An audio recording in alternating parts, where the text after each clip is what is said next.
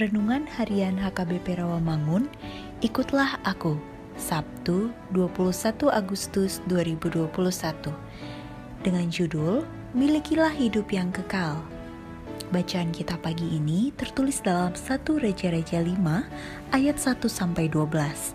Dan bacaan kita pada malam ini tertulis dalam Lukas 11 ayat 5 sampai 13 dan kebenaran firman yang menjadi ayat renungan kita hari ini ialah 1 Yohanes 1 ayat 2 yang berbunyi Hidup itu telah dinyatakan dan kami telah melihatnya dan sekarang kami bersaksi dan memberitakan kepada kamu tentang hidup kekal yang ada bersama-sama dengan Bapa dan yang telah dinyatakan kepada kami.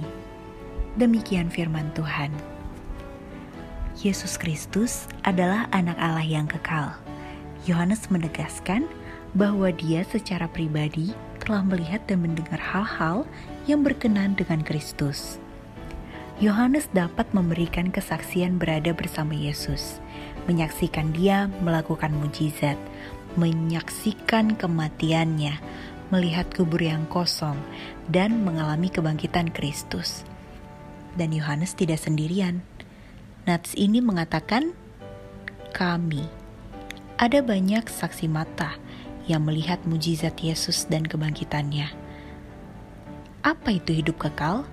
Dalam Yohanes 17 ayat 3 dikatakan bahwa inilah hidup yang kekal itu, yaitu bahwa mereka mengenal Engkau, satu-satunya Allah yang benar, dan mengenal Yesus Kristus yang telah Engkau utus. Hidup kekal hanya dapat diperoleh melalui iman kepada Kristus dan persekutuan dengan Dia.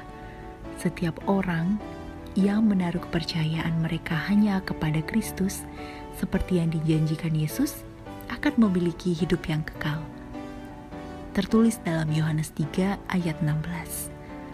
Kita juga tidak mendapatkan hidup kekal sebagai imbalan atas hasil usaha dan perbuatan kita tetapi karena kasih karunia dan kebenaran Yesus Kristus yang diberikan kepada kita. Seperti yang tertulis dalam Efesus 2 ayat 8 sampai 9. Hidup kekal adalah kualitas hidup yang kita terima selaku orang percaya. Untuk memiliki hidup kekal, kita dituntut mempunyai iman yang hidup dan persekutuan dengan Kristus. Marilah hari ini kita membaharui komitmen kita untuk mempunyai iman yang terus-menerus bertumbuh dan persekutuan yang makin bertambah dengan Bapa, Anak, dan Roh Kudus. Mari kita berdoa. Kami bersyukur atas penyertaan-Mu Tuhan Yesus.